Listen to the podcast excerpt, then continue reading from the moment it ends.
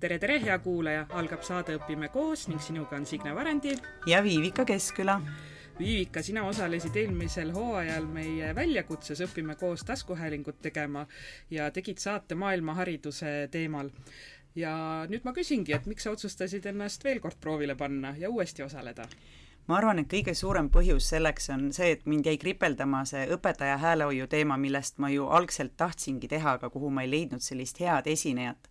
ja kui ma siis suve hakul leidsin äh, inimese, kellega mul tekkis tunne, et vot tema ongi see, kellega ma tahaks rääkida, siis, siis ma tundsingi, et me peame ikka selle saate ära tegema, sest see õpetajate kõne häälehoid on nii oluline teema minu meelest ja, ja mitte ainult minu jaoks, vaid ilmselt ka väga paljude kaaskolleegide jaoks, nii et sellepärast ma tahtsin ka ise saada uut infot ja teistega jagada seda. -hmm.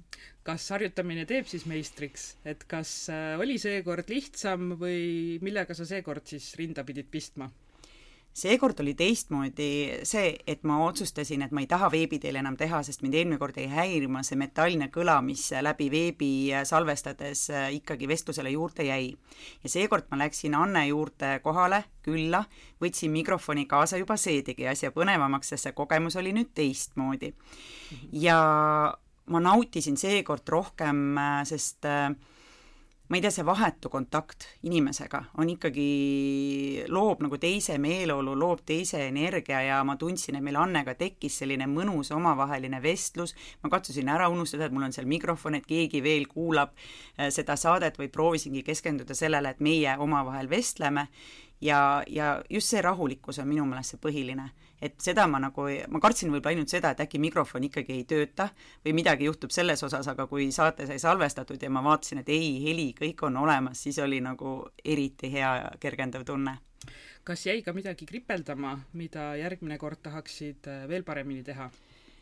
ma arvan, et äh, ma tahtsin seekord, et ma teen pilte sellest protsessist ja, ja loomulikult ma unustasin selle täiesti ära, nii et isegi ühispilti me ei teinud esinejaga, aga õnneks ta tuli paar päeva hiljem äh, Tartus, et augusti lõpus me selle saate salvestasime ja ma sain siis raudteejaamas selle pildi ära teha. et ma tegelikult mõtlesingi, et prooviks seekord ka endale väljakutset nagu pildiks või te-, pildistaks ja, ja, ja nagu rohkem kaasaks võib-olla siis äh, teisi inimesi oma tegevustesse, et teeks kas või story sid, aga loomulikult ma siis unustasin selle ära, nii et see on siis väljakutse võib-olla järgmiseks korraks, mida ma siis juurde veel võtaksin mm. -hmm. no aga rääkides järgmisest korrast, et eh, mis võiks olla sinu järgmine teema või sinu järg-, kes võiks olla sinu järgmine külaline?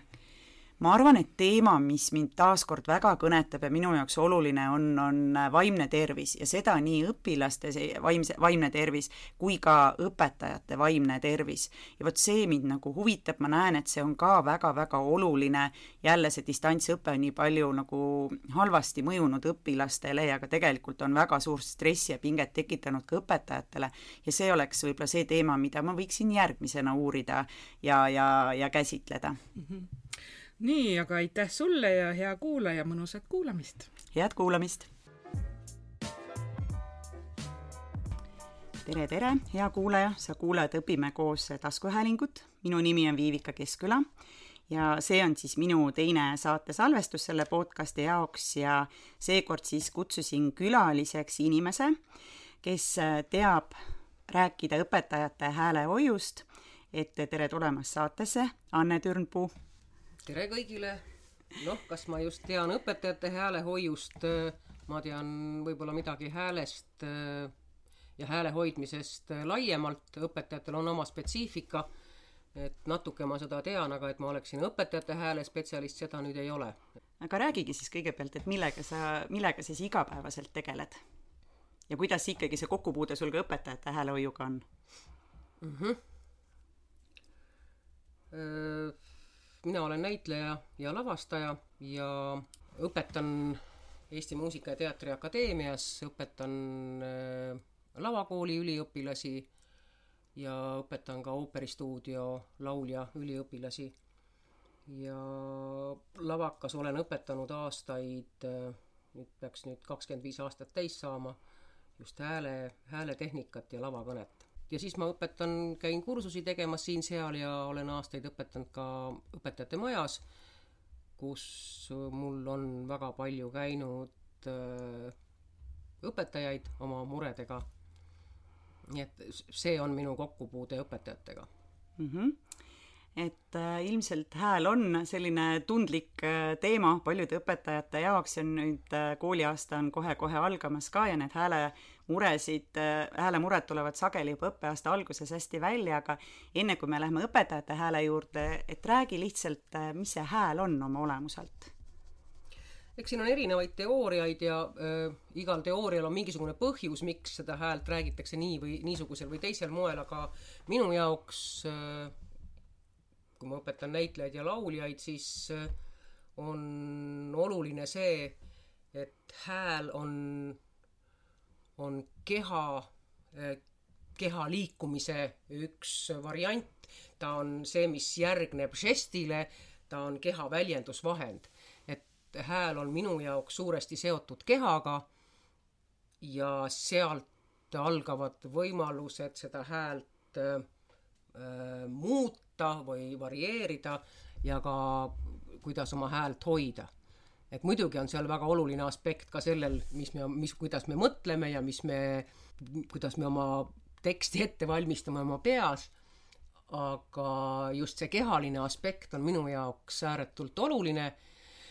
Ja põhjus on ka muidugi selles, et, et kui ma mõtlen äh, inimese keha peale, siis äh, see on äh, oivaline aparaat, mis meile on antud ja kuidagi on mul ka tunne, et mida vanemaks ma saan, seda rohkem ma pean oma kehast lugu ja pean lugu sellest, kuidas läbi oma keha ma suhtlen maailmaga ja hääl ja hääleaparaat on siis ka väga oluline keha osa, mis võimaldab meil ikkagi suhelda ju ka üksteisele. suhelda äh, maailmaga, suhelda üksteisega ja kogeda, et see mm -hmm. kõnelemine on ka tegelikult kogemine, et äh, seda ei maksa ära unustada, see on üks väga oluline asi mm. -hmm. ja, ja võib-olla veel kui kehast rääkida ja häälest, siis on üsna oluline, kuidas me oma kehaga suhestume.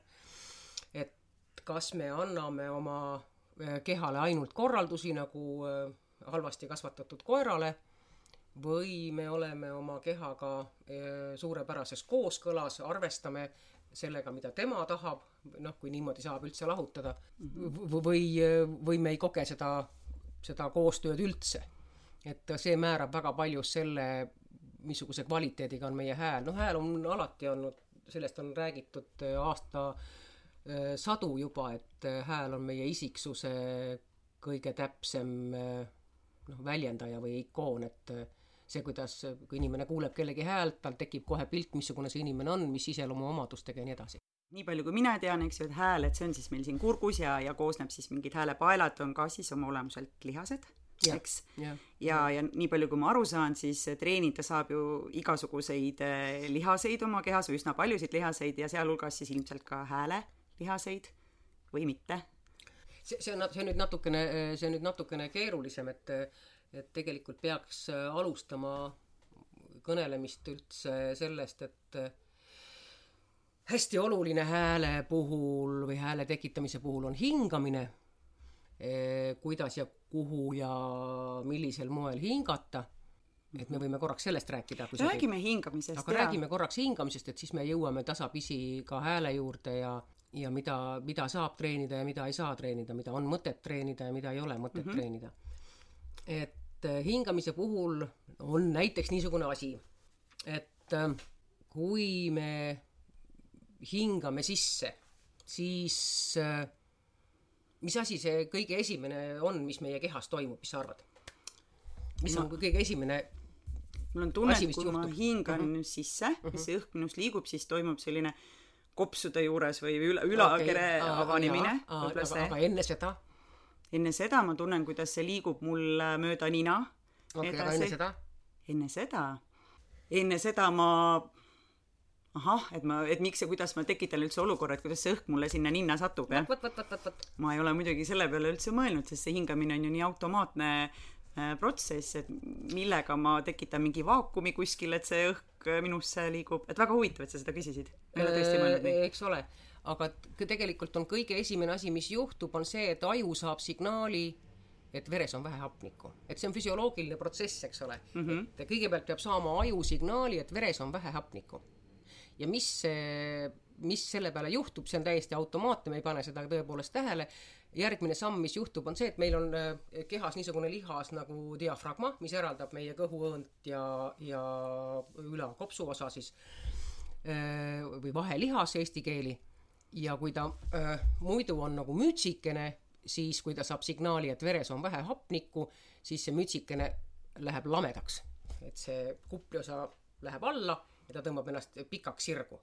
Ta tõmbab ennast sirgu ja ta on äh, roidekaare äh, nii tagu kui esiküljega ühendatud, no arstid, andku andeks, äh, meditsiinitöötajad, kes seda täpsemalt, mina liigun kujutluspilte pidi, et andke andeks, kui minu väljendused ei ole adekvaatsed. aga diafragma langeb alla, roidekaar laieneb, eks, sellega seoses. Ja kui roidekaar laieneb, siis mis juhtub õhurõhuga seal sees, õhurõhk väheneb. no loogiline, eks ole mm. -hmm. õhurõhk väheneb ja kui äh, minu sees on õhurõhk madalam kui väljaspool mind, siis õhk alati liigub kuhu, kus on madalam. kõrgema rõhuga alalt madalama rõhuga no, alale. just, just, just., just.. ja siis liigub õhk ise sisse. ja vaat see on nüüd üks selles mõttes oluline asi, et et me kipume enne, enne kõnelemist hingama sisse. aga aju pole signaali saanud diafragma pole langenud, pole laskunud, äh, roidekaar ei ole laienenud ja meil ei ole seda õhku kusagile panna ja siis ta jääb meile siia ülakehasse kinni või noh, ütleme kopsu ülaosasse me saame ta sisse ja me peame ta järgmisel hetkel, kui aju saab signaali, et meil on vaja äh, verre rohkem hapnikku ja me peaksime hingama hapnikku sisse või õhku uuesti sisse, me peame selle kõigepealt välja hingama ja siis uuesti sisse hingama, et me tekitame endale selle selle enne kõnelemist õhu sissevõtmisega tekitama endale pisukese stressi, mida ei ole mõtet teha. ja teine asi on see, et me ei pea seda, eks ole, kui me tegime endale selgeks, et see sissehingamine, õhk liigub ise kui gaas äh, kõrgema rõhu äh, alalt madalama rõhualasse, et siis me ei pea mitte midagi selleks tegema. Te võite ise siin äh, igaüks seda korraks proovida, ma hingan välja. ja nüüd ma ootan. ja õhk tuleb ise rahulikult sisse tasakesi ilma igasuguste pingutustega, ta tuleb ise sisse ja kui äh, inimene püsib rahulik, siis see õhk läheb ka väga õigesse kohta, et äh, ei, ei pea punnima mingit alakõhu hingamist või midagi, ta läheb ise naturaalselt, füsioloogiliselt, loomulikult õigesse kohta, kui anda talle võimalus äh, füsioloogiliselt õigesti liikuda. et esimene asi on see, et mitte, mitte segada füsioloogilist süsteemi mm. -hmm. see hingamise puhul. ja, ja tegelikult mida vähem me sekkume sellesse füsioloogilisse protsessi eh, nii sisse kui väljahingamise puhul, seda parem. väljahingamise korral me saame seda väljahingamise tsüklit natukene pikendada, sest et see käib samamoodi nagu see sissehingamise, ainult vastupidi kogu see protsess, et aju saab äh, signaali, et veres on piisavalt hapnikku, diafragma tõmbab ennast kuplisse, roidekaar, äh, roidekaar tõmbab kokku poole, ruumala väheneb, õhurõhk kasvab ja õhk liigub ise, minu sees on suurem õhurõhk kui väljaspool ja õhk liigub ise kui gaas väljapoole ja siis see ühtlasi paneb liikuma, võbi-, võbisema minu häälepaelad, eks ole, ja siis see pisikene signaal, mis sealt õhu, häälepaelte võdinast tekib, võimendatakse minu äh, kõris ja suuõõnes ja, ja edasi on, ma pean hakkama töötama ruumis. et äh, ainus, mida, mida mina soovitaks äh, pisut moduleerida kogu selle füsioloogilise protsessi juures, on see, et et ma väljahingamisele annan pisukese toe mm. -hmm. mida see tugi äh, tähendab, nüüd on diafragmaaluste lihaste pisikene tugi, et kui ma, kuidas seda seletada, kui ma hakkan välja hingama, kui ma näiteks kujutan ette, et minu ees on küünal äh, ilusas äh, küün-, ilusas küünlajalas, näiteks vasest ja see on valge küünal ja ma panen sinna äh, tikuga tule otsa ja siis see leek on seal, nüüd ma hakkan, ma panen selle endast äh, natuke kaugemale, et ma hakkan seda hästi ettevaatlikult äh, ära puhuma. nüüd ma ilmselt tajun oma kõhulihaseid natukene, diafragmaaluseid lihaseid mm. -hmm. ja vot see ongi see tugi. on et tunda küll täiesti, kui seda harjutust siin praegu kõrvalt just. Äh, läbi teha, et et tõepoolest on, on täitsa tunda, et meil on sealihased. jah, et, et nende lihastega saabki siis timmida seda väljavoolu tugevust äh, ja ütleme, kui seal on vaja mingisuguseid rõhke juurde anda, et et see on nagu põhiline, millega, millega me töötada saame mm. -hmm. ja kui ma nüüd mõtlen äh, õpetaja peale, et äh, kuidas seda, kuidas seda kuidas seda hingamist loomulikuna hoida, sellepärast et õpetaja on sama samamoodi esinemissituatsioonis nagu näitleja et see äh, lööb pulsi ülesse, võib-olla lööb pulsi ülesse ka kellegi morakrati käitumine klassis, eks ole, siis muutub meil kõigepealt hingamine ja et äh, kuidas seda hingamist äh, normaali tagasi saada. eks siis hingamine muutub ju ütleme, kui see ärevus või äh, kasvab või, või pahameel või mis iganes see olukord seal on, et hingamine muutubki ju kiiremaks ja pinnapealsemaks no,, no, eks ole. no vot, et, et siis me enam ei füsioloogiliselt, füsioloogilist äh, rütmi ei arvesta, et me püüame võimalikult ruttu hapnikku kätte saada. kunagi kooli ajal sai tehtud niisugust asja, et leppisime terve klassiga kokku, et hakkame hingama järjest kiirenevas tempos ja see õpetaja kes meile eriti ei meeldinud, läks täiesti endast välja, sest et kogu klass hingab ja ta ei saa arugi, miks ta võtab te-, meie rütmi üle, sest et me kõik äh, võtame teise inimese rütmi üle, hingamisrütmi. ja ta läks täiesti endast välja. noh, kole, kole tegu ka seda rütmi võetakse nagu igal juhul üle, ma mõtlen ka seda, et kui õpilased mõnikord on just nimelt unises meeleolus, siis, siis mina olen tajunud täpselt. ka õpetajana, et noh, et, et nemad seal veel ka haigutavad ja siis see on nagu peegeldub mulle, mul, ma ka nagu haigutan ja muutun täpselt, samamoodi. aga seda saab õpetaja selles mõttes muuta, et kui on näiteks eksamisituatsioon ja üliõpilane või õpilane on väga närvis, siis tegelikult mina rahustan oma hingamise maha ja sellega rahuneb maha ka üliõpilase või õpilase hingamine, et seda saab teha. Mm. -hmm mina mm. olen teinud seda hingamise maharahustamist, et vaikuseminutite harjutusi, enne no, kui võt. on äh, pinget äh, nõudev olukord no,, et kas nad on, ongi teadmisi hindav töö või midagi sellist, siis me oleme hinganud ja siis on näha, kuidas see klassil nagu kogu hingamine läheb palju rahulikumaks, et kui enne oli nagu mingi selline vibra sees seal mm, -hmm, et kui midagi mm -hmm. rahutus oli, siis peale seda me vist tõesti nagu ühtlustame või kuidagi need hingamise rütmid klassisiseselt ja on mõnusam edasi mm -hmm, tööd teha, et mm -hmm. nende enda närvisüsteem ilmselt on ka tänu sellele harjutusele mm -hmm, rahunenud mm. -hmm ühesõnaga hingamisest siis nii palju praegu ja, ja tegelikult on kasulik hingata sisse läbi nina ja välja suu kaudu, aga meil just enne oli, kui me tulime mm -hmm. seda intervjuud tegema mm, -hmm. meil oli sellest juttu, et tegelikult äh, peaks, peaks tegema nii, et kõik need, et, et, et, et treenida mitte, mitte selle jaoks, et see tund aega klassiruumis või, või siis tund aega laval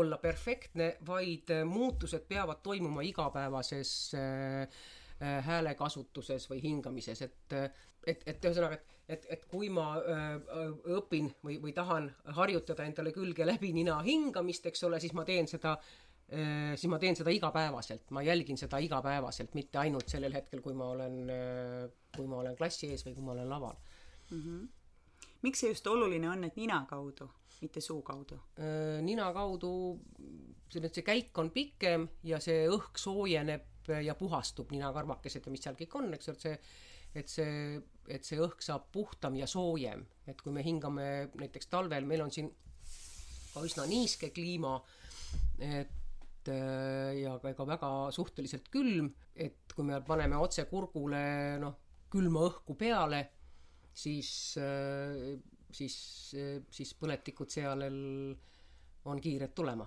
mm. -hmm. ja, ja see on ka muuseas põhjus, miks äh, miks näiteks põhjapoolsemad inimesed räägivad niimoodi, et neil on rohkem see kõnetsenter on nagu sees, suus, suu seespool, et nad nagu ei võtagi suud eriti lahti, noh, no ütleme nagu Aha. rannikualad Eestis ja mida, mida lõuna poole, kus on soe kliima, seda rohkem räägitakse ju väljapoole, eks ole, et noh, et see, et kas, kas sealt tuleb see Kuidagi... see on küll huvitav no,, jälle taaskord, et kui mõelda, siis ilmselt nii ongi jaa, aga mm -hmm. tea-, et ei ole seda nagu teadvustanud.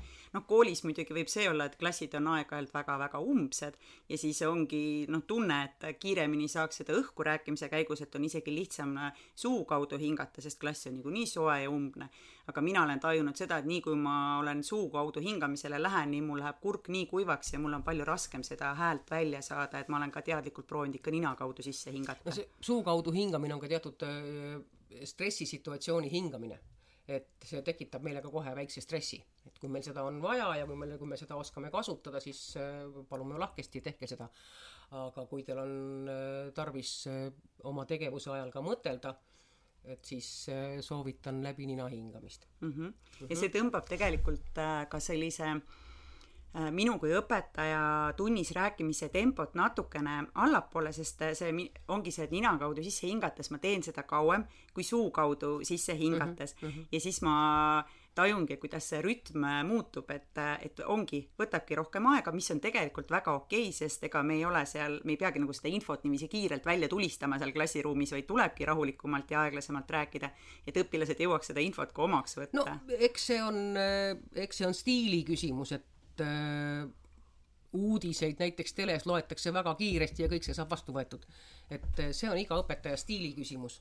siin ei saa öelda, et äh, aeglane on parem kui kiire või et kiire on äh, parem kui aeglane mm. -hmm. et igaüks leiab endale oma stiili, kus ta suudab ütleme niisuguse kõnetempo, millega ta suudab, mille, mille käigus ta suudab mõtelda, kus ta ise tajub, et ta haldab seda informatsiooni, mis tema suu kaudu välja tuleb mm. -hmm. niimoodi ja siis järgmine asi, millest peaks rääkima, on see, et lauljatel on äh, lauljad räägivad inimese hääle kahest registrist, on pearegister ja keharegister, et milles see erinevus on. esimene asi, mis võib-olla tuleks meeles pidada, on see või mida tuleks, mida võiks teada, on see, et, et oma emakeelt me räägime keharegistriga tavaliselt. et kui me õpime mingisuguse võõrkeele ära, siis äh, see tuleb meil nagu pea kaudu, eks ole meil ei ole kehalist kogemust ja me räägime õpitud keelt kõrgema häälega ja natuke rohkem siit, jah. no inglise keele puhul on veel see, et eh, seal Aadel rääkis peahäälega, eks ole, ja matsid rääkisid eh, rinnahäälega, seal on veel need asjad, eks ole, et kas ma tahan mõjuda oma Aadli või eh, või pööblina, aga, aga põhimõtteliselt on ikkagi nii, et iga meie emakeelne sõna omab mingisugust kehalist impulssi on sõnum, mille eest me oleme saanud pahandada, on sõnum, mille puhul me oleme saanud kiita, sõna toob ette meile pildi, lõhna, mm, keha mäletab. keha mäletab mm -hmm. jah, jah, ja sellepärast tavaliselt me ema, emakeeles räägime natuke madalama häälega ja räägime äh, niinimetatud siis äh, keharegistriga. ja kui nüüd korraks me võime jälle siin ühe katse teha mm, kui on tarvis, noh, vanemad inimesed mäletavad äh, niisugust situatsiooni, kus äh, bussiaknad olid jääs või, või, või toaaknad olid jääs, et tahtsid välja vaadata, siis kuidas sa puhusid akna peale, et see jää ära sulaks. jäälillede sulatamine no, muidugi lapsepõlves olen teinud. ja pane korraks käsi ette, proovi. kas see on pigem soe või pigem külm õhk? See on soe õhk. väga hea. nüüd, kui mina puhun äh, supi peale, mis on tuline, siis kuidas ma seda teen? see on see on pigem see on jahedam. eks ole, kuidas see võimalik on? jah, see ilmselt sõltub vist, kuidas ma äkki oma kõri asendit aha, hoian. ahah, ahah, väga, väga ma soovitan kuulajatel seda kindlasti ka kõrvalt kohe proovida, et see on tõesti huvitav, et need äh, tunnetuslikult tulevad erineva temperatuuriga välja, vähemalt ma käe peal tajun seda erinevalt. et see kõri asend on, äh, kõri suurus on erinev, on, eks ole? just, et äh, selle akna peale puhumise või akna peale hingamise, jäätunud akna peale hingamise puhul on kõriauk võimalikult suur, eks? ja, ja siis, kui ma tahan puhuda supi peale, siis on ta võimalikult kinni tõmmatud jah, nii on, ma tõesti tunnetan, kui ma nii. nüüd võtan ja teadvustan, mida ma teen, siis ma tunnen, kuidas mu keha käitub äh, erinevalt. see on väga huvitav. just, ja nüüd äh, ühe puhul, kui ma tõmban selle kõriaugu hästi suureks, siis see, kuidas ma selle lahtise kõriauguga räägin, see ongi keharegistri kasutamine laias laastus. ja kui ma tõmban selle kitsaks, siis ma räägin pearegistriga okei okay,, jälle selline hea asi, mida enda juures äh, tähele panna ja mõelda, et mille, millega ma siis praegu äh, räägin mm. -hmm. Mi, mi, mis, mis mul siis keha juures töötab mm -hmm. ja mõelda ka, et miks see siis praegu nii on, et miks mm -hmm. nii või teistpidi mm. -hmm. Mm -hmm. ja nüüd, kui me läheme siit veel ühe sammukese võrra edasi, minu õpetaja Jaan Tooming jagas inimese keha kolmeks. ütles, et, et pea ja kael on üks, selle nimi on taevas, siis rinnaku osa Äh, nii kaugele, kui on roided, see on teine osa, see on maa ja siis see alumine osa, see on põrgu. Äh, ja nüüd, kui me räägime sellest maaosast, mis on siis äh, roidekaar ja rinnaku osa, siis äh, kui ma tahan teha häält, mis paneb vibreerima selle osa äh,, enamasti A-täht ja seepärast, kui ma teo raputan, ma panen nagu Tarzan ja Jane äh,, siis see kõik hakkab mõdisema mm. -hmm. ja see on nüüd niisugune hääl, mille puhul nii kuulaja kui kõneleja saavad mõtelda kaasa mm. -hmm. et äh, siin saab arutella, siin saab äh, mõtiskella, siin saab küsida, siin saab vastata, see on sedasorti hääl mm. -hmm. see on inimeste suht-, inimeste omavahelise suhtlemise hääl. Kui ma nüüd võtan selle peahääle, mis on siis see pearegister, kui ma tõmban selle hääle sinna üles, eks ole, siis äh, see on niisugune hääl, millega räägitakse laste, loomade ja jumalatega et kui ma lähen natukene kaugemalt, ma teile kõrva ei karjuks. jaa, mul on juba, et kuulajad ei näe seda, aga mul endal on ka nägu juba muigvel ja, ja Annel täpselt samamoodi, et ma usun, et kui te mind kuulate, siis te saate ka aru juba, millest, millest võiks olla juttu, kuidas seda kooli konteksti panna, aga kuulame edasi. just, et kui te räägite loomakestega, siis on kiis, kiis, kiis, vissi, vissi, vissi, kõik need käivad kõrge peahäälega ja, ja samamoodi ka lastega, oi kui tore! või eks ole, kõik see käib hästi kõrge peahäälega, millegipärast noh, inimestel on, inimene on niimoodi ehitatud.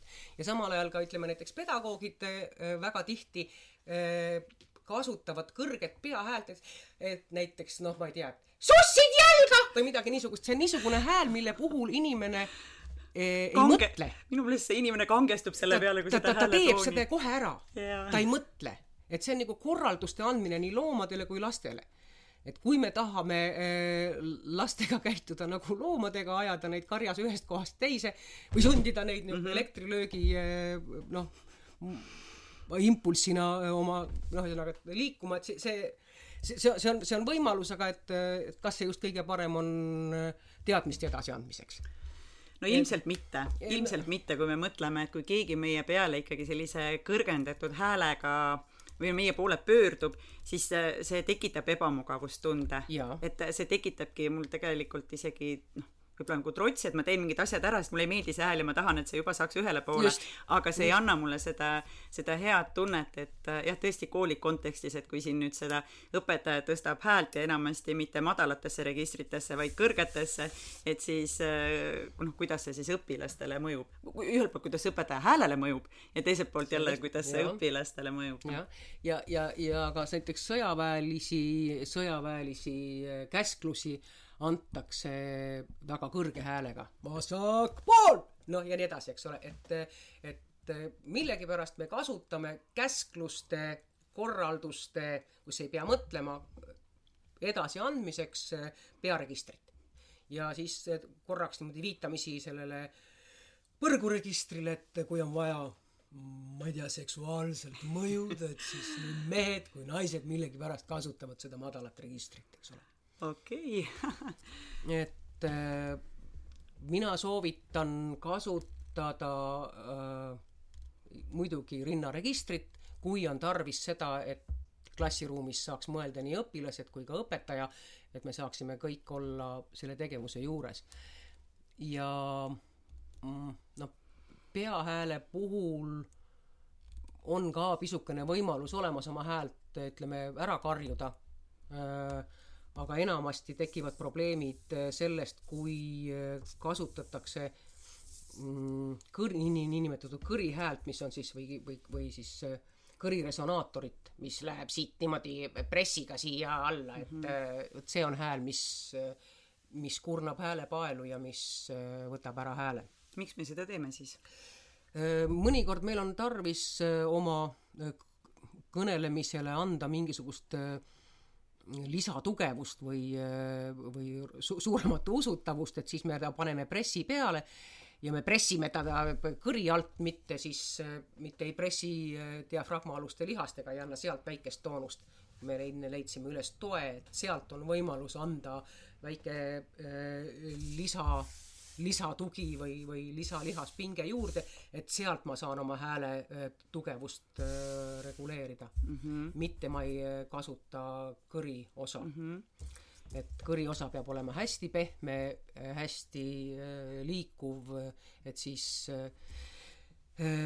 siis me hoiame oma häält mul on tunne, et mina õpetajana et kuidas ma ütlen, et kui ma räägiksin lihtsalt monotoonselt, siis mu hääl nagu peaks kauem vastu kui see, et ma tahan olla ilmekas, ma tahan noh, nii, nii-öelda sellist action'it rohkem nagu oma teksti sisse panna, mul on palju miimikat, mida ma seal noh, juures kasutan, teen mingit üllatust või noh, selliseid nägusid veel juurde või eriti kui ma algklassidega, just väikestega tegelesin ja jutte rääkisin, siis pidi hästi palju nagu noh, neid erinevaid tegelasi tegema äh,, hääli järgi tegema ja ma mäletan ka, või noh, see nagu kurnab mu häält hästi palju. ehk siis ma mõtlesin, ma ei oska niiviisi monotoonselt rääkida, et mu hääl tegelikult hüppab niiviisi üles-alla ja ma ilmselt pigem ilmekalt kui mitte ilmekalt räägin ja ka klassi ees, aga äh, kohati on tunne, et kui nagu hääl on väsinud, siis seda ilmekust ei tule sinna juurde ja, ja noh, siis, siis ongi nagu raskem äh, rääkida ja hääl läheb nagu ära ja läheb kähedaks, et et kas sellel on mingi selle ilmekusega ka seos, et ma ilmselt selle ilmekusega kasutangi kõri valesti või seda äh, hääleaparaati või no vot, et sellel ilmekusel, ilmekusel on, on mitu mitu asja, mida me nimetame ilmekuseks, et et kui me näiteks hakkame iga sõna värvima, et kollane ja siis punane, et, et, et, et kui me hakkame niisuguse asjaga tegelema, et, et, et me seda, mida me ütleme, püüame veel hääleliselt illustreerida, et siis see ei ole, see ei ole muuseas kuulajasõbralik sest et siis kuulaja kaotab igasuguse huvi väga ruttu kogu selle teksti vastu. ja teiselt poolt ja teiselt poolt see, vot see on, see, see võib kurnata ka meie häält, et me peaksime me peaksime olema adekvaatsed selle ruumi suhtes, kus me räägime, et me räägime piisava tugevusega, et me kuulame oma häält ruumis tagasi ja teiselt poolt me peaksime olema ka adekvaatsed selle seltskonnaga, kellega me räägime, et me et me illustreerime või seletame oma häälega täpselt nii palju mm, -hmm, kui on vaja, eks mm. -hmm. et see tähendab seda, et ma suhtlen kogu aeg lastega. et tihtipeale me karjume oma hääle ära sellepärast, et, et me ei suhtle. et me ei ütle, et kuule, mis sa teed vaid me röögime ta peale, et pane sussid jalga või kasi välja või ühesõnaga mis iganes, eks ju. et kui sa, kui ma reaalselt vaatan inimesele otsa, küsin, et, et, et kas sa võiksid palun, siis, siis, siis ma ei tõmba oma häält ära. Aga kui ma lihtsalt viskan oma hääle üle klassi, et tehtagu, öeldagu mm, -hmm. viidagu, et, et see tuleb ära teha mm -hmm. ja ma ei suhestu kellegiga konkreetselt, siis see tõmbab küll hääle ära mm. -hmm. see on umbes sama asi, et, et kui mul on vaja ära värvida sein siis on kaks varianti, kas ma võtan ämbritäie värvi ja viskan selle vastu seina või ma võtan pintsli. ja nüüd niisugune röökimine umbkaudu ei kuhugi, ei kellelegi konkreetselt. see on selle ämbriga äh, värvi viskamine. ja kui ma räägin konkreetselt sinu ja sinu ja temaga, siis ma võtan pintsli see on ja. hästi hea metafoor. sa mainisid korraks, et see äh, hääle tagasi mm, põrkumist äh, seinast mm, -hmm. mis see tähendab? me jõudsime oma, oma hääle kirjeldamisega sinnamaale, et hingamise välja tulev õhk paneb vibreerima häälepaelad, need hakkavad kergelt võdama ja see on hästi, see on praktiliselt kuulmatu surin mis seal tekib. nüüd ma seda surinat võimendan äh, enda sees sellega, et ma suurendan oma kõri, muudan oma suu siseruumi, vastavalt sellele tekivad kas täishäälikud või kaashäälikud, eks ole, et kas ma te-, panen sinna tõkkeid või ta voolab välja öö, äh, otse ja nii edasi. Äh, et esimene selle pisikese surinemise, mida mu häälepaelad tekitavad, esimene võimendi on siis minu, minu kõri ja suuruum ja nüüd järgmine peaks olema see, et ma suunan hääle enda seest välja ja ta põrkab kuskilt tagasi. et see on tegelikult kõla mm. -hmm. ja see, mida meie kuuleme, on siis selle tagasipõrke kõla Tagasi, hoopis. et, et, et me, me, me tegelikult äh, peaksime kasutama kõla efekti. Et üks on heli ja teine on kõla. kõla on koos ruumiga. ja noh, selle, selle ma olen ära õppinud äh, traditsioonilise eluviisiga rahvastelt, et nende puhul, nende, nende juures on väga oluline häälekõla, et äh, mingisuguse uue kõlatämbri lisandumine võib tähendada mingisuguse uue olendi äh, ilmumist, ilmumist või, või sinu sisse tulemist või, või et, et nad on hästi tundlikud just nimelt kõla suhtes. et äh, sealt selle, selle kõlaga tegelemise olen ma öö, äh, õppinud suuresti traditsioonilise eluviisiga rahvaste käest aga see tähendab seda, et, et lõppkokkuvõttes ei ole mitte mitte kõige tugevama häälega, mitte see inimene, kellele issand on loonud kõige vägevamad häälepaelad ja kõige suurema kõriaugu, nii et sinna rusikas mahub sisse nagu Šaljapinil, vaid inimene, kes suudab ruumi enda ümber panna helisema. panna ruumi enda ümber helisema, et see ruum hakkaks tema kasuks tööle no see kõlab, äh, et äh, lihtsam öelda, raskem teha, kui ma nüüd mõtlen, et aga ma ei ole ka teadvustanud, et kuidas ma, kas ma panen oma ruumi helisema, kust ma seda aru saan Äh, kas mul tekib minu häälele mingisugune lisakvaliteet? kui ta tagasi põrkab. kui ta tagasi põrkab jah, et, et, et vot, vot sealt ongi see tegelikult, et et kui ma räägin ise, siis ja ennast kuskilt tagasi ei peegelda, siis äh, minu hääl on perfektne, ma ei tee vigasid. väga keeruline on endale öelda, et noh, mul on nüüd mingi häälik kõlab valesti või rütm on liiga kiire. aga kui ma kuulen ennast kuskilt tagasi siis ma võin aru saada, et jah, mu S sisiseb natuke tugevamalt kui teiste inimeste tagasipõrkav S äh,. mu tämber on liiga ma ei tea, vali või, või liiga plekine, et on siis mm -hmm. peahääle poole äh,. mu hääl on liiga vaikne või äh, mu tempo on liiga kiire, ma ei jõua kõiki äh, sõnalõppe kätte saada, eks ole mm. -hmm. et siis, äh, et see on väga hea tagasiside võimalus ja kõige selle õppimine võtab natukene aega, sest kuna tegemist on kehaliste protsessidega, siis on vaja kehale anda mingisugune niisugune kogemus, positiivne kogemus, mida ta hakkab ise uuesti siis taas looma, eks. et sellest äh, peaga aru saada on lihtne, me võimegi siin selle loengu jooksul väga paljudest asjadest aru saada, aga selleks, et see kuidagi nagu kehasse jõuaks, et see meie igapäevasesse käitumisse jõuaks äh,, igapäevasesse tarvitamisse jõuaks, see võtab natukene aega, noh, nii nagu iga uue asja õppimine, ma ei tea mm, -hmm. heegeldamine äh,, Äh, tule tegemine, aknapesu, äh, jalgrattasõit, see kõik mm. võtab aega, sest et äh, keha talletab asju omal moel ja, ja selle jaoks, selle jaoks ongi, muidu võiks inimestele kohe ära rääkida või üles kirjutada, et vaat see asi käib nii ja sellega on ja kõigil on see selge kohe. jah, eks õppimine ole ikka pikk ja pidev protsess, et, et iga ka hääle oma hääle tundma õppimine ja selle õige kasutama õppimine ja õigesti hingama õppimine ja kõik see vajab teadvustamist ja siis saab juba selle põhjalt ka ju teadlikumad samme teha. jaa, täpselt, et ma teadvustan kõigepealt ja siis hakkan, hakkan trenni tegema selles osas mõtleme nüüd äh, korraks jälle nagu õpetajate peale, et äh, koolis olles ka, et äh, kas see on okei okay,, kui kohe hommikul kaheksa viisteist või üheksa selles vahemikus enamasti Eesti koolides õpetajate tunnid hakkavad, et kui on tunne, et keha ju veel nagu natuke magaks, aga kohe peab selle äh, täismahus trenni hakkama oma häälega tegema või tööd, noh, töösse kaasama seda, et kas seal peaks olema mingisugused liigutused, harjutused, tegevused enne seda, kui õpetaja sinna hommikul klassiruumi läheb, et oma hääl üles äratada mm -hmm.? noh, see, seda, et, et seda teavad ju kõik laulukooride liikmed ja lauljad ja harrastuslauljad, et kui me hommikul ärkame, siis hääl magab veel eh, neli-viis tundi. seda protsessi saab kiirendada, et see, et see keha ärkamise aeg oleks, sest see on tegelikult keha ärkamise aeg, et see keha ärkamise aeg oleks kiirem, seda saab, seda saab kiirendada, kuidas seda teha? üks asi on see, et kui te tulete jalgsi kooli või siis saab või vähemalt mingi osa kõnnite jalgsi, et siis saab juba hakata vaikselt hingama, eks ole. siis saab hakata seda hingamisaparaati trennima natukene, et mis see siis tähendab täpsemalt, kuidas ma treenin hommikul, mina elan küll kooli lähedal, mul on kolm minutit iga noh, kooli vaja kõndida, kuidas ma saan sellel teel oma hingamisaparaati treenida? eks ole, et läbi nina. mina võtan tavaliselt niisuguse neljase rütmi, neli, neli sammu hingan sisse läbi nina, neli sammu hoian kinniselt, hoian kinni, neli sammu hingan välja ja neli sammu hoian kinni. et Aha. siis teen praegu seda.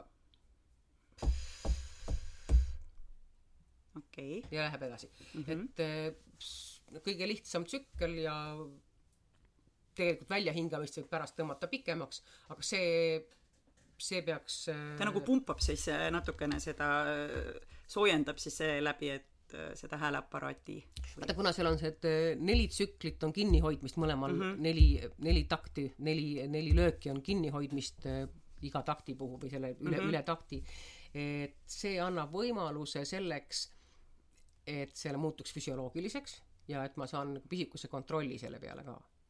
et ta kas, toetab füsioloogilist. kas sellel on nagu ütleme, mingisugune, ma ei tea, miinimumaeg ka, mis teha, et seda peaks vähemalt kaks minutit või viis minutit või kümme minutit hommikul? kuidas igaühele sobib mm. -hmm. ja, ja noh, muidugi jube tore oleks, kui äh, jõuaks vaadata, et mida ma hommikul söön, et kohvi tavaliselt kuivatab ja ärritab, et äh, võib-olla siis vähem, no natuke rohkema piimaga, et äh, süüa ikkagi kas võileibu või pudru, ühesõnaga, et mitte neid igasuguseid helbeid ja pähkleid, et need ilmuvad, need, see pudi ilmub ühel hetkel kõrisse ja hakkab segama ja noh, ühesõnaga valgu vahekord ja ühesõnaga need on mm, -hmm. mida, mida inimene peaks ise vaatama, eks ole, šokolaadi ei maksa hommikul süüa, sest see tõmbab nagu äh, ja ei maksa ka väga palju happelist, ühesõnaga, seal on omad, omad asjad, mida, mida süüa ja mida juua mm. -hmm. aga, aga. peale nende harjutuste siis veel ütleme hingamist sai nüüd tehtud see neli, neli, neli, neli, aga on veel midagi, mis ma saaksin üks asi, mida mina tavaliselt teen, mm, on see, et ma teen soojaks oma käed, seesama kõige lihtsam kui te mõtlete töö tegemise peale, vanad eestlased sülitasid pihku ja tegid, eks ole, hõõrusid mm -hmm. käsi kokku. vot seesama käte hõõrumine, käte soojaks tegemine.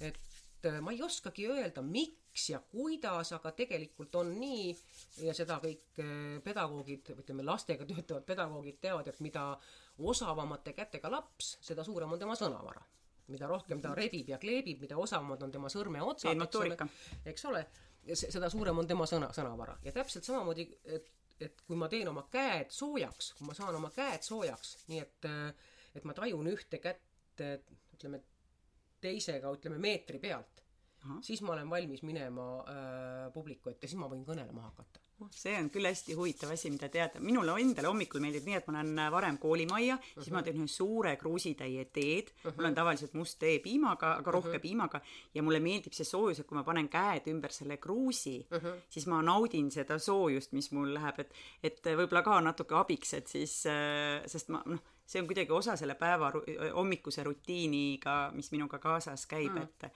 aa, no see on jälle selline hea nipp. et mina soovitan lihtsalt äh, käed läbi näppida mm, -hmm. siin on lõputult igasuguseid äh, närvilõppmeid ja, ja punkte, äh, närvilõppmeid ja, ja mm -hmm. ravipunkte, mida mõjutada, et, et lihtsalt proovige ma lihtsalt soovitan seda, mis minule mõjub hästi. mis minule mõjub, on see, et ma saan oma, kui ma teen oma käed soojaks, siis ma ei pruugi häälega äh, palju rohkem eh, noh, mul on ta baasina olemas mm. -hmm. teine asi on see, et eh, mis parandab aju-verevarustust, mida on eh, aastatuhandete jooksul kõik pedagoogid teinud, kõik imetajad teevad seda muuseas ka oma lastega pedagoogilistel kaalutlustel või oma kutsikatega pedagoogilistel kaalutlustel suheldes. see on siis see, et ma rebin ennast natukene juustest ahaa, sikutan, tutistan si ennast natuke. tutistan siit-sealt jah mm, -hmm. see parandab aju-verevarustust mina olen seda kasutanud siis, kui ma olen, noh, uni tuleb peale, vahepeal näiteks tead, noh, kuskil ja. kuskil olen ja uni tuleb peale, siis ma olen natukene nagu nii-öelda juukseid hakanud just, sättima just, ja just, siis just. ma tunnen, et natuke läheb paremaks, aga seda on just, jälle hea teada, et, et see on abiks. et äh, korraks kolp läbi katsuda tugevate sõrmedega ja sakutada siit-sealt mm, -hmm. see on see ürgpedagoogika, et äh, kutsikad äh, kutsikad mm -hmm. tutistatav, tutistatakse koerte poolt ja kassipoegi emad tutistavad ja nii edasi, et eh, ahvikesed ja kõik. ja teine on kõrvad, kõrvad. läbi mudida, jah? läbi mudida, natuke mm -hmm. tõmmata, et see on jälle see ürgpedagoogika aju-verevarustuse parandamine okei okay,, no selle peaks jõudma küll hommikul äh, ära teha, et no, see ei nõua sellist jõusaali minemist. hea, ta annab nii hea tunde endale mm, -hmm. et, et see on ja, ja muidugi võib teha mm, mõned suuringid ja mõned musitamised ja mm, mõned sülitamised ja mis paneb huuled tööle korraks, et äh, okei okay,, et nägu ka soojaks, et hingamisaparaat soojaks ja, ja, ja nägu nägu ka ja, soojaks. ja mm -hmm. kui teil on käed soojaks tehtud, kui te lihtsalt äh, hoiate oma käsi näo ees, siis te tajute sooja, niimoodi mm. -hmm. Mm -hmm. on tajutav soe. nüüd mm -hmm. ma käin kogu näo niimoodi läbi, et ma tajun kogu seda soojust no, see on nii huvitav tunne, et jälle Just. soovitan kuulajatel kaasa proovida, et see käsi on mitte vast-, näo vastas, vaid seal lähedal ja, ja tõepoolest on tunda, kuidas see käte soojus ja, ja muu selle näonaha peal on tunda. just, ja kõri samamoodi käia läbi, et kõik kohad, mis, mis on problemaatilised, ma ei tea, kellel põlved, kellel kellel õlg. no igalühel midagi tavaliselt Just, on ikka. aga see on nagu parim, mida ise teha saab, et kui on käed soojaks tehtud, et siis, et siis korraks tehta, käia mm -hmm. sooja käega see oma keha üle, et see on nagu, kõlab müstiliselt, aga on niisugune aga toimib. aga toimib jah minu Siis- puhul vähemalt. siis on hea, eks me kõik peame ikka ära proovima erinevad nipid, et alati on mis ühele, mis teisele, aga nii hea, kui on nippe, mida enda peal proovida. ja kui nüüd see õpetaja läheb klassiruumi, et mina olen muidugi selline, kes äh, noh, ma olen harjunud vett jooma tunni ajal rääkimise, et räägin, joon, räägin ja joon. Et äh, aga sul on hoopis teised mõtted selle, selle vee joomisega tunni ajal, eks ole? noh, Et vaata jaga on ju see, et et see vee joomine on praegu niisugune moodne asi, et äh, veetootjad tahavad, et äh, vett palju juuakse. kuus klaasi või ma ei mäletagi No, no,, kümme klaasi või jah, palju et- seal et- päevas pidi jooma tegelikult, et kui ta, kui sa mõtled selle peale, kas sinu lapsepõlves niisugust asja oli, ei olnud. ei olnud joodi küll jah kui janu oli, eks ole Jah., ja kopsikust. jaa, täpselt, täpselt. no vot, et, et eks see veetootjate reklaamikampaania ilmselt on, on mõjunud niimoodi, et, et meil on praegu tohutu vee joomine. no õpetajana mul on tunne, et kui ma räägin, siis mul hakkab ju suu kuivama ja kõige kiirem meetod selle kuivuse mm -hmm. eemale peletamiseks on see, et ma joon omal siis, kui mul on veepudel või on siis veekruus ja on kaasas ja ma joon sealt vett, et tundub selline kiire äh, lahendus, aga see ei pruugigi kõige parem olla, jah mm. -hmm. no seal ongi see, et, et meil on oma kui me ei, kui me ei, ei võta kohe pudelit äh, näpu vahele või kui meil ei ole võimalust seda kasutada, näiteks lava peal ei saa ringi käia suvalises rollis, ma ei tea, mängides Tšehhovit, kõigil on oma veepudelid kaasas, joogipausidega. joogipausidega jah, et siis äh, et kui seda teha ei saa, et siis äh, toimib inimese oma füsioloogiline niisutussüsteem, me natuke neelame, eks ole, me hoiame oma limaskestad ise äh, niisked. kui me nüüd lõpmatult joome, siis me rikume selle tasakaalusüsteemi endas ära, nii et see, et meil oma süsteem lõpetab töötamise ära, sest ta saab kogu aeg äh, niiskust peale ja, ja limaskestad muutuvad ka natuke niisuguseks, natuke õhemaks kogu aeg selle, sest et kui me ise oma, oma süsteemiga niisutame oma, oma suu limaskestu, siis, siis see on füsioloogiliselt meile omane, omase äh, kvaliteediga või see noh, see koostis on meie oma, meie enda oma. aga suu läheb ju kuivaks, et siis hakkab ju see S hakkab see aga siis tuleb neelata siis tuleb neelata ja ta läheb ilmselt ku- kuivaks ka sellest, et on kerge stress, et on ilmselt hingatud läbi suu, eks ole, et eh, tuleks kõigepealt hingamine maha võtta ja siis eh, neelata sülge, see tahab saada harjumist, et kui te olete harjunud jooma minu pärast jooge, aga et, aga, aga kui teile tundub, et, et ei taha juua või et, või et ei, tavaliselt ei joo, et siis eh, rõõmustage, sest te suudate oma selle niisutussüsteemi ise tööle saada. Mhm. Et eks ta on jah, et, et noh, esinedes või õpetajana olles on ikka see, et see ikka noh, kuna sa seal klassi ees ju võimled ja selgitad asju ja, ja räägid palju, et siis tõesti, et üks osa veest kaob ju mul läbi hingamise, et veeauru ma hingan iga kord ju välja, teine asi on see, et ma ju higistan ka seal natukene.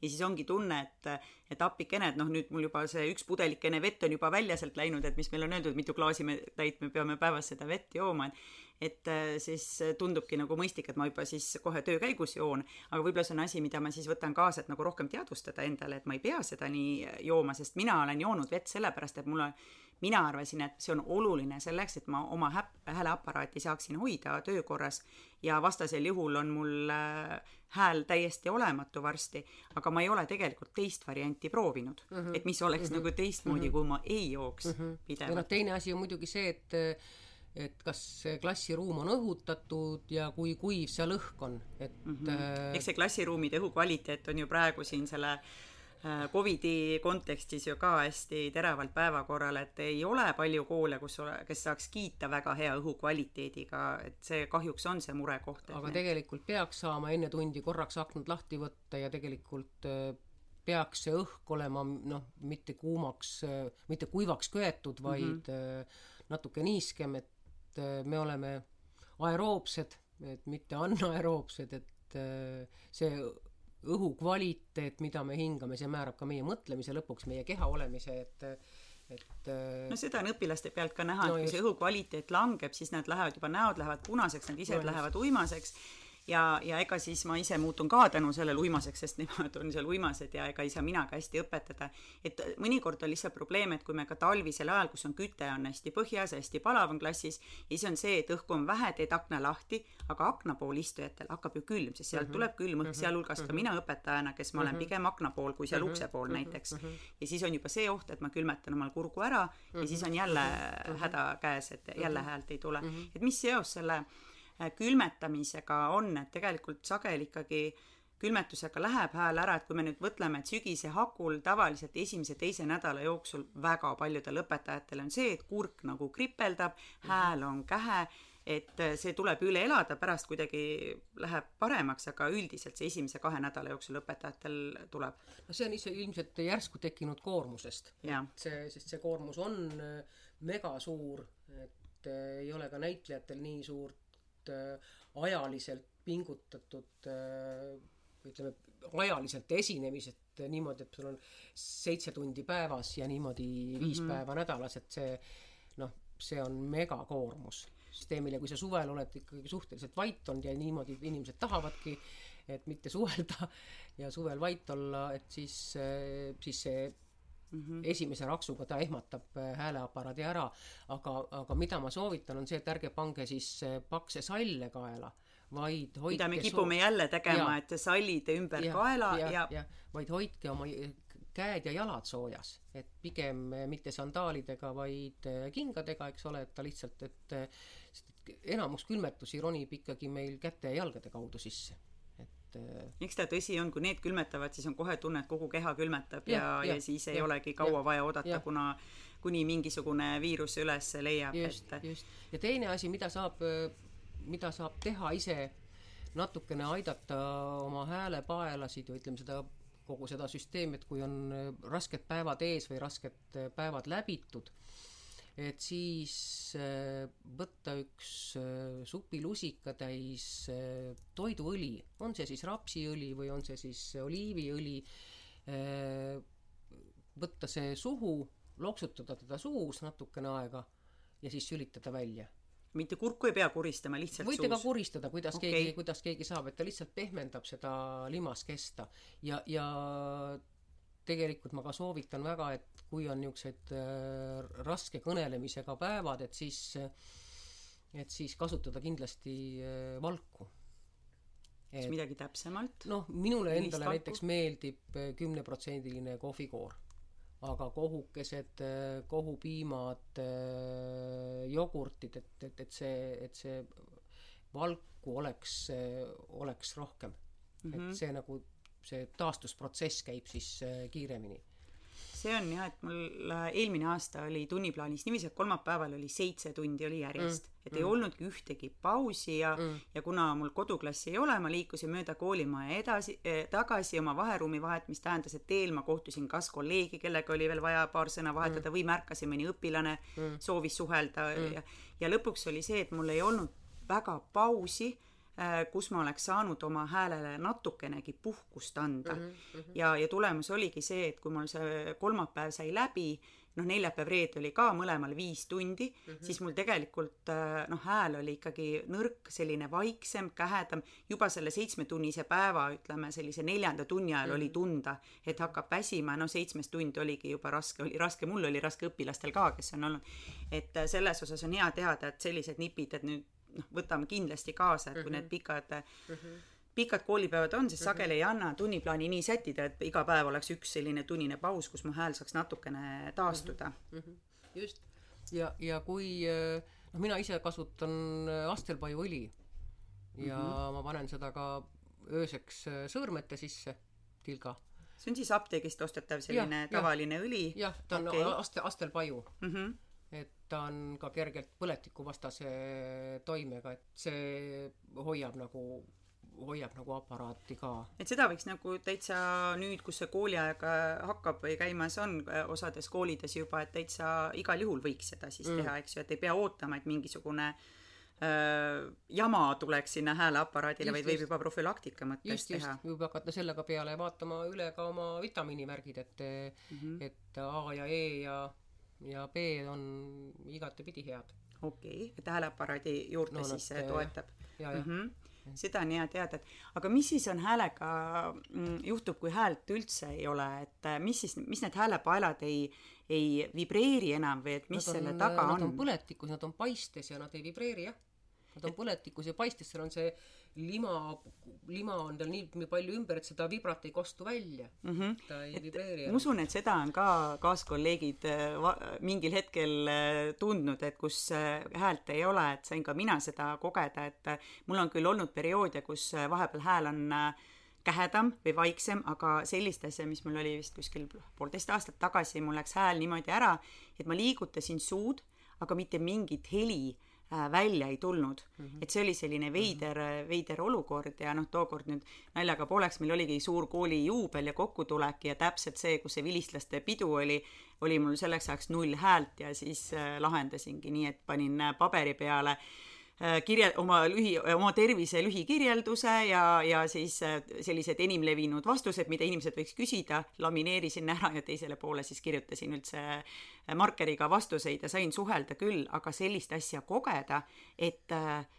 teed suu lahti, omast arust räägid ja mitte midagi välja ei tule, siis tegelikult oli see nagu ehmatav ja üllatav, et mis siis, et kas nüüd jääbki nii, ma ju ei teadnud ka, kaua ma sellest välja tulen, mm. aga kui pidu sai peetud, siis hommikul hakkas vaikselt hääl tagasi tulema, mis äh, hästi vaikselt et äh, aga, aga huvitav oli jah, et paar päeva oli ikka selline täielik, äh, täielik vaikus ja, ja muidugi oli tore, et õpilased, vot selles, selles osas nad on mõistlikud, et kui nad näevad, et õpetajal tõesti häält ei ole, et õpetaja nagu hädas sellega, siis minu kogemusel nad ikkagi võtavadki omal selle hääletämbri vaiksemaks ja, ja noh, saangi vaiksemalt rääkida või tahvli peale kirjutades aga sellisel juhul, mis see abiks siis on? lihtsalt äh, Vaikida. täielik vaikus ja ja veel parem oleks, kui ei oleks ka mürarikkas seltskonnas või ei oleks äh, müra sees, sest et äh, et meie häälepaelad võdisevad ka välisele mürale kaasa, nagu nad tekitaksid seda ise, et see mis on, on see... koolikeskkonnas vahetundide ajal, kus kaheksasada õpilast, noh, meie koolis on üle kaheksasaja õpilase,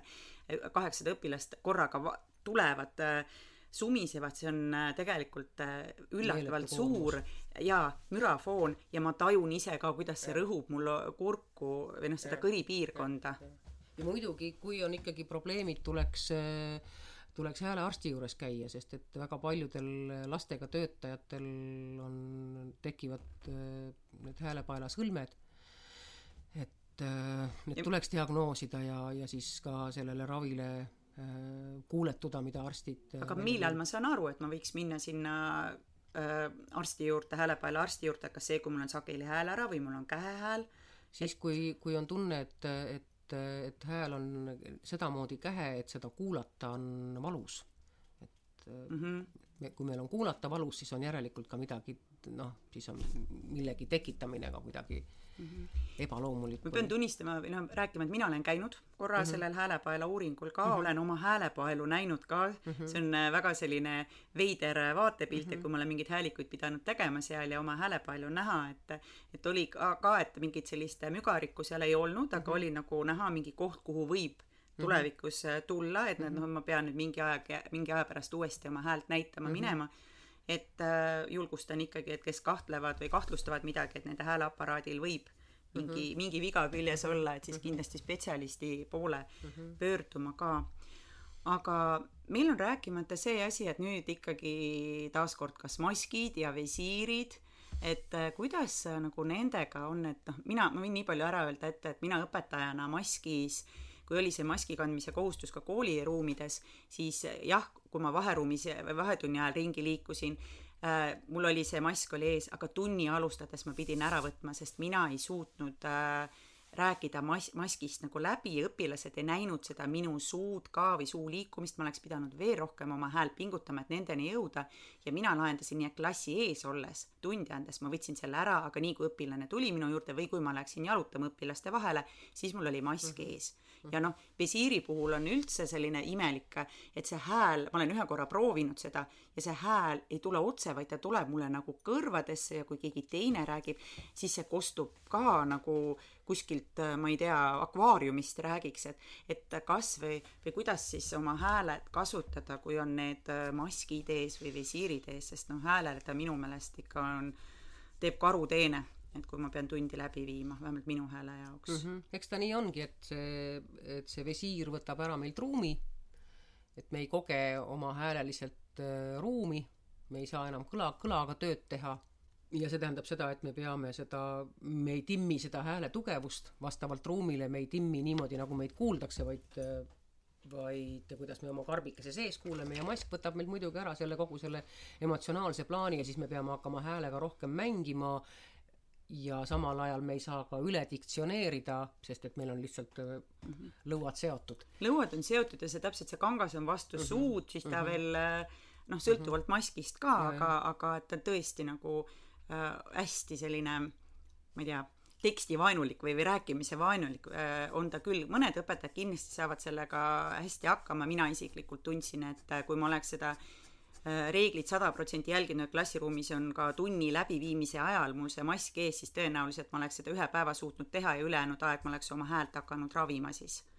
noh jah, kõik loodame, et see maskitamine äh, ajapikku kaob ja et meil niisuguseid probleeme ei ole, sellepärast et äh, kui need jäävad, siis see tähendab äh, absoluutselt teistsugust suhetu, suhestumist, teistsugust pedagoogikat äh, uue pedagoogika väljatöötamist ja see on juba see on see teine juba, väljakutse? see on teine väljakutse meile jah mm, -hmm. see on teine väljakutse jah, sest praegu meie, meie haridus ikkagi on kontaktipõhine ja see on, see on imetore.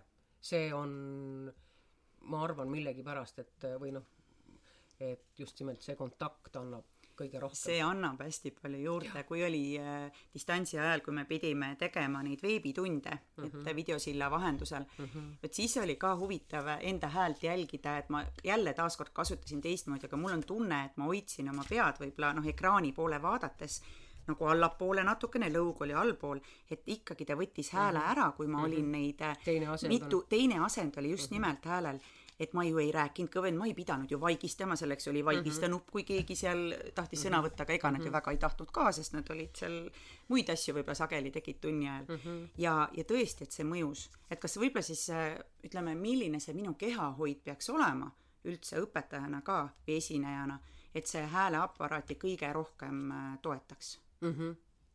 no kõige olulisem, kui me räägime kehahoiust, siis äh, ma väga soovitan äh, tutvuda Aleksandri tehnika põhimõtetega, ma ei hakka selle, praegu sellega siin pikemalt äh, tegelema. igaüks saab ise teha, otsida infot. ja, ja mm -hmm. väga soovitan teha öö, äh, ühe podcasti Aleksandri tehnikaõpetajatega, Eestis neid on, näiteks Maret Mursaga, kes on niisugune vana spetsialist mm, -hmm. et see on kindlasti väga, väga vajalik sel lihtsal põhjusel, et lapsed, kui see õpetaja neile meeldib, siis nad püüavad ka tema kehahoidu järele aimata ja tema hääletooni, eks ole, et mitte ainult äh, neid teadmisi, mida õpetaja jagab, vaid ka kuni, eks ole, kleidini, äh, soenguni, aga ka kehahoiuni ja hääletämbrini, eks ole.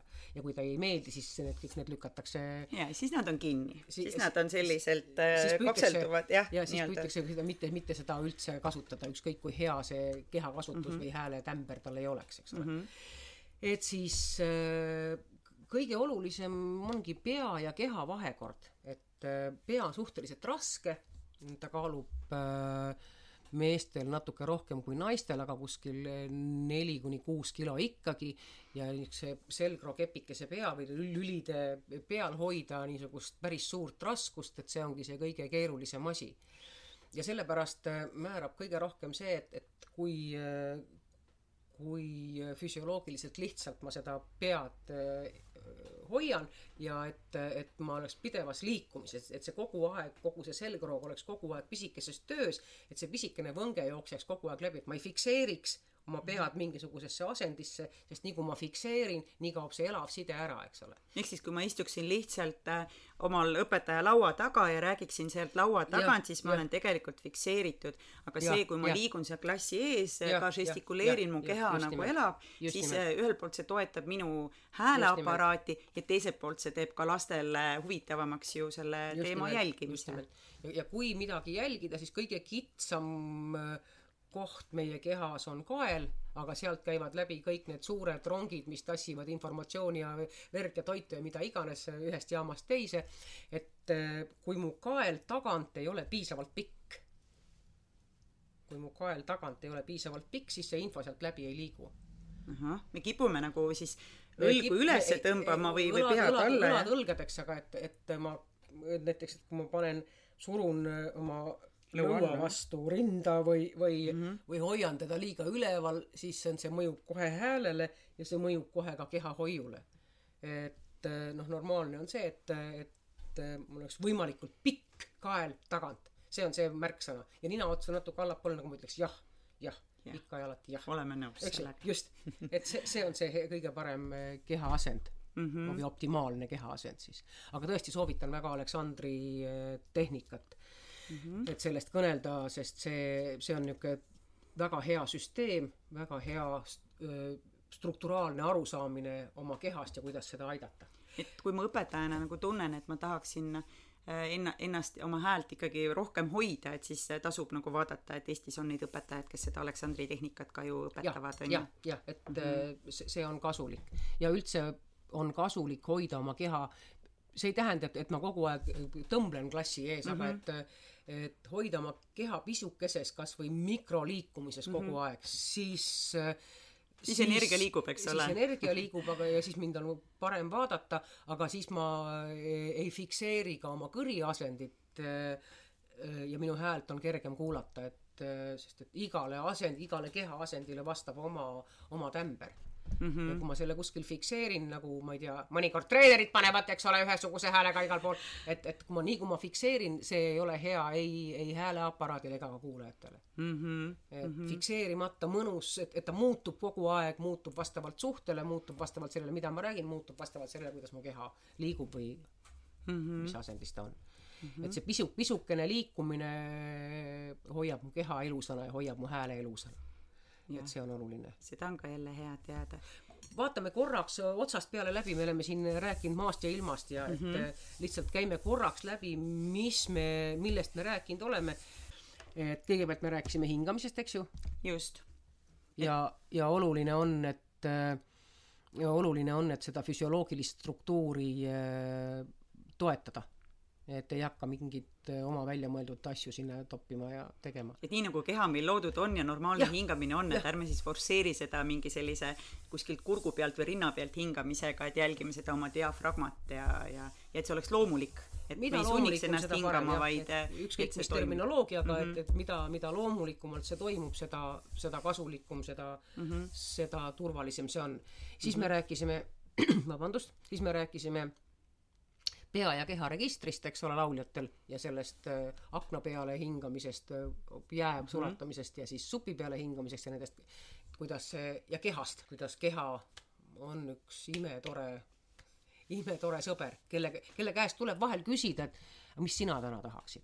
mm. -hmm. mitte kohe liiga ennast peale suruda, vaid kehaga jälgida ikka natukene, mida mõistus üks poolt, mida mõistus ütleb, aga keha Ja, ju annab meile üsna palju infot ju, just. mis olukord meil ja, tegelikult ja kui me äh, keha ei mm, kuula, siis ühel hetkel ta otsustab, et ta on haige jaa ja siis me peamegi hakkama teda kuulama. hakkame tagajärgedega Ja, leppima ja, ja, ja just, sunnib meid just. äh, aega maha võtma. aga mm -hmm. see, ta ei taha üldse palju, ta on äh, noh, ta tahaks Vähenõudlik. vähe, ta on suhteliselt vähenõudlik jah mm. -hmm. ta tahaks lihtsalt mõnikord, et pööratakse tähelepanu, et mõnikord ta saaks sooja vanni, et ta mõnikord saaks jalutada, et äh, no ühesõnaga ta tahab äh, aga aurud, kas aur oleks hea, kui nagu lapsed, ma mõtlen, noh, hingavad seda nina, kui on ko-, öö, köha või nohu hingavad auruga, kas No siis, kui hea. hääl hakkab ära minema või mingi hääleprobleemid on, kas ma täiskasvanutena no, peaks ka kui aurutama? te aurutage, aurutage, aga pärast, pärast aurutamist ei tohi enam kusagile kolama minna, pärast aurutamist ei tohi enam olla mingisugust tõmbetuult, et see kui Mhm. te suudate selle tagada, et te pärast aurutamist lähete kohe teki alla ja seal ei ole mingit tuuletõmbust ja kõik see mm Mhm. -hmm. püsibki samamoodi soe, siis minu pärast võib aurutada küll. siis me rääkisime, et jalad ja käed peavad soojas olema aga paks sall ei pea öö, ümber muidu kõri olema. äh, kõri ära sellega ja siis on keeruline, kui järsku ei pane, siis ta saab Mhm. juba sellest äh, Mm -hmm. omale stressi. siis rääkisime vee joomisest, et tegelikult võiks jälgida, et et meil on see oma loomulik sülg, mis meil tegelikult niisutab mm -hmm. seda suusüsteemi, just, siis me rääkisime taevast, maast ja põrgust rääkisime et, et ikkagi jääme suhtlemises äh, maisteks. Räägime nii, et, et meid on võimalik äh, mõistusega kuulata ja, ja arutella selle asja ümber. mm. -hmm. siis me rääkisime kõnelemisest ruumis, et äh, kuidas ruum, noh, tegelikult äh, see on ju see, et, et kui me kõneleme või kuulame ennast läbi ruumi, siis me kogeme oma kõnelemist või oleme õi- õige lähedal sellele, et kogeda oma kõnelemist nii, nagu seda kogevad teised inimesed mm, -hmm. kes on samas ruumis, eks. jah, oma kõrvadega sedasama nagu teised kuulevad jah oma, just em kõrvadega. empaatia mm, -hmm. empaatia ka veel juures seal. et äh, selles mõttes ka on see väga kasulik. Mm -hmm. aga see, see, see on väike plõks peas, et äh, ma olen näinud, kuidas äh, kui inimene selle ära tabab, et või kehaliselt ära tabab või õpib ennast läbi ruumi kuulama, üks väike nõks ja see on nagu jalgrattasõit, siis ta, ta edaspidi ta teab, kuidas seda teha, jah mm -hmm., jah, jah. Just, ja siis me rääkisime hääle suunamisest ja, ja suhtlemisest, et tuleb reaalselt lastega suhelda ja oma häält suunata selle inimeseni, selle inimeseni mm, -hmm. selle mitte inimeseni. kõigile korraga, et Mitte see oli see värvi korraga. näide, et kas ja. ma viskan värvipoti korraga vastu seina või pintsliga joonistan. just nimelt mm. -hmm. ja, ja noh, muidugi äh, ühe asja võib veel juurde tuua, et see on see, kuidas tähelepanu hoida, et äh, väga hea, ütleme, et hea dirigent on see koori puhul, kes, kes äh, annab algused, fraasi algused mm. -hmm. ja väga hea dirigent on see, kes annab ka fraasi lõpu. So, kuidas hoida tähelepanu nii, et ma ka fraasi lõpuni suudan hoida oma tähelepanu selle sõna peal ma mm -hmm. olen juba mõttega järgmise lause juures, ma unustan just. ära, aga eesti keeles on paraku niimoodi, et, et kogu see mõistmise aparatuur või grammatiline aparatuur on sõna lõpus mida me kipume vahepeal ära ja kaotama. Ja. ja siis ei saa mitte millestki järsku aru mm. -hmm. et tegelikult võikski välja rõhutada just need lõpud. mitte selle algusega panustada kõik kaardipakke algusele hoopis. et, kuidas et, et, et, et ühesõnaga, et, et see, see, see nõuab ka eraldi trenni, aga, aga et, et, et kuidas oma tähelepanu jaotada nii, et seda jätkuks ka sõna lõppudele, fraasi lõppudele mm. -hmm. ja, ja teinekord, kui, kui lugeda mingisuguseid tekste ette, siis ma soovitan öö, öö, pöörata tähelepanu teksti grammatilisele struktuurile, et kus on koma, kus on, et rõhutada näiteks välja mm, igasugused määrsõnad ja võid näiteks tegusõnad. et mhm. tegusõnade pisukene väljarõhutamine, ta tuli, siis ta nägi, siis ta otsustas ja siis ta läks ära okay.. et, et, et see annab niisuguse dramaatilise dünaamika sinna sisse, et kui kasutada näiteks tegusõnu. siis ei ole ka nii monotoonne see ja tekst monotoonne, ja, ja kuulaja ikka jälgib ja mõtleb rohkem kaasa ja see on hea nipp jälle, mida kaasa või lugeda puhtalt eh, teksti struktuuri, et et vastavalt sellele, kuidas meie vastavalt sellele liiguvad, et, et kas see, kas see on eelnevaga kooskõlas või on see eelnevale vastu mm, -hmm. eks mhm. ole, et, et ma loen teksti struktuuri mm, -hmm.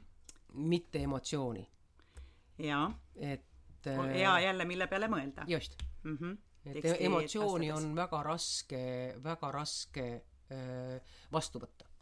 nii, ja mis me veel oli, et me mainisime veel, rääkisime, et Aleksandri tehnika on hästi ja, äh, oluline, aga samas on ka ju kursused, mida sa ise õpetajate majas õpetajatele teed. Tallinnas see on Tallinna inimestele küll, aga et räägi, mis sa ka nende käigus või mille, mida seal õpetaja teada saab, et siin me oleme tunni aja jooksul midagi maininud, aga seal siis on juba sügavamal tasandil, eks ole? seal ei ole mitte sügavamal tasandil, vaid seal on see, et me, me kohtume igal nädalal paariks tunniks ja mul on tunne, et ma, et, et me saame kehalise kogemuse, et me tegelikult harjutame mingid asjad endale juba sisse, et mm -hmm. me saame kehaliselt aru, sest et ütleme noh, teoreetiliselt võib asjad ära seletada tunniga või pooleteisega, eks ole no,, ja ongi valmis. aga selleks, et see, just, et see, et see, et see ladestuks meie kehadesse, et me seda igapäevaselt kasutada saaksime, see võtab päris palju aega mm. -hmm. et see on üks samm sellele lähemale, et me saaksime seda kasutada et siis on Tallinna inimestel on võimalus sellest osa võtta ja meil jääb ainult loota ülejäänud Eestis, et et ka siis Tartusse või mujale ka oleks võimalus õpetajatel oma hääle häälehoidu õppida või kuskil, et oleks võimalik, et, et siis ma loodan, et sa jõuad meile Tartusse ka millalgi külla, et, et ka Tartu suur linn ja palju õpetajaid, et ma usun, et kindlasti huvilisi oleks. võikski teha niimoodi, et, et kui huviliste õpetajate hulk on olemas, et siis võiks näiteks äh, talvisel koolivaheajal teha äh, näiteks niisuguse äh, täiendusõppe, kus oleks ka näiteks mingi Aleksandri tehnikaõpetaja kaasas, et mm, -hmm. et siis saaks teha pool gruppi Aleksandrit ja teine pool gruppi häält ja siis vahetada ja nii edasi, et mina oleks kindlasti kohe kaks kätt püsti ja esimesena ukse taga mm., et äh,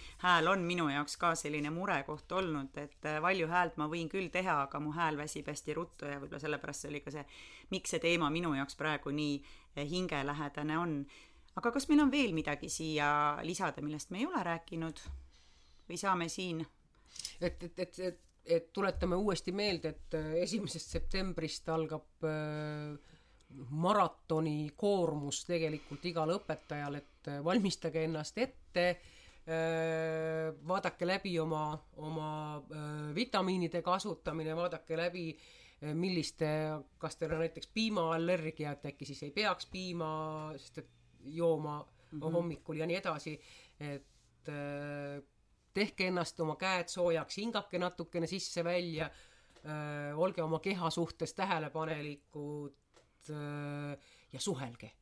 suhelge iseendaga, oma kehaga ja suhelge lastega, sest et kui me suhtleme, siis me ei tee midagi valesti.